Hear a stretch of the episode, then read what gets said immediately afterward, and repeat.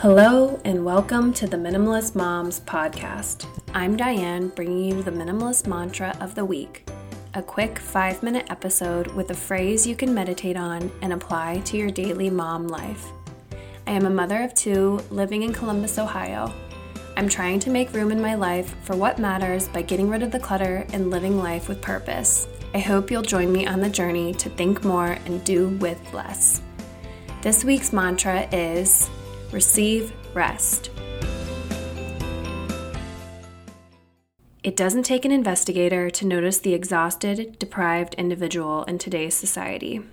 Our culture applauds the relentless pursuit of success and productivity. We value busy. But to what cost? We might have money in the bank, a nice car, home, and possessions to show, but to what detriment? We end up losing time with our family, friends, ourselves. We overschedule our days, our weeks. Why do we do this? We're hurried. We rarely set aside time to stop or renew.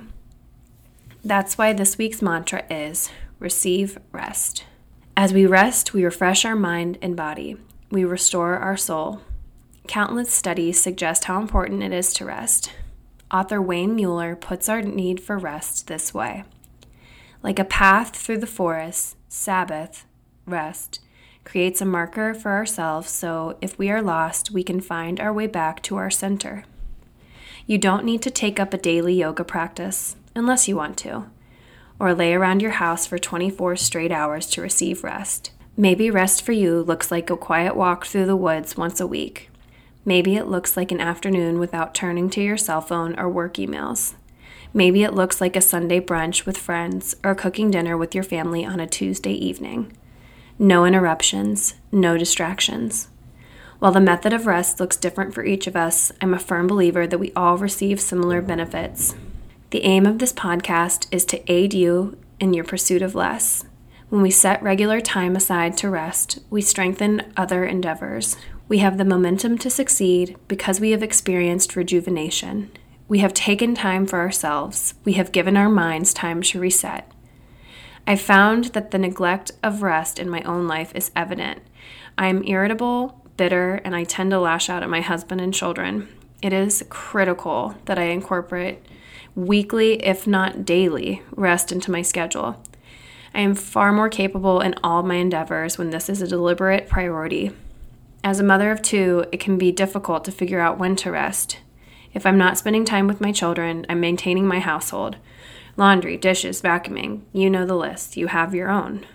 How do I squeeze in rest without it feeling hurried or just another chore? Be purposeful. If you need to, put it on your schedule. Discuss rest with your spouse. I'm sure they're in need of rest just as much as you. Come together and compromise with one another about how to make it happen.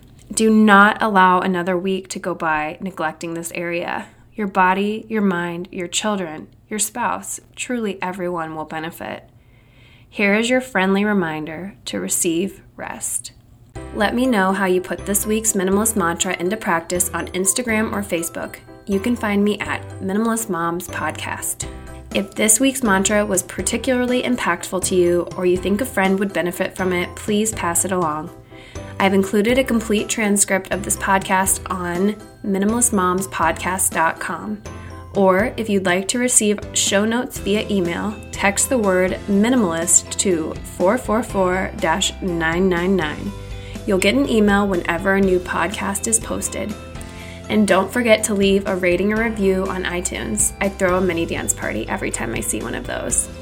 I wish you a lovely week as you think more and do with less.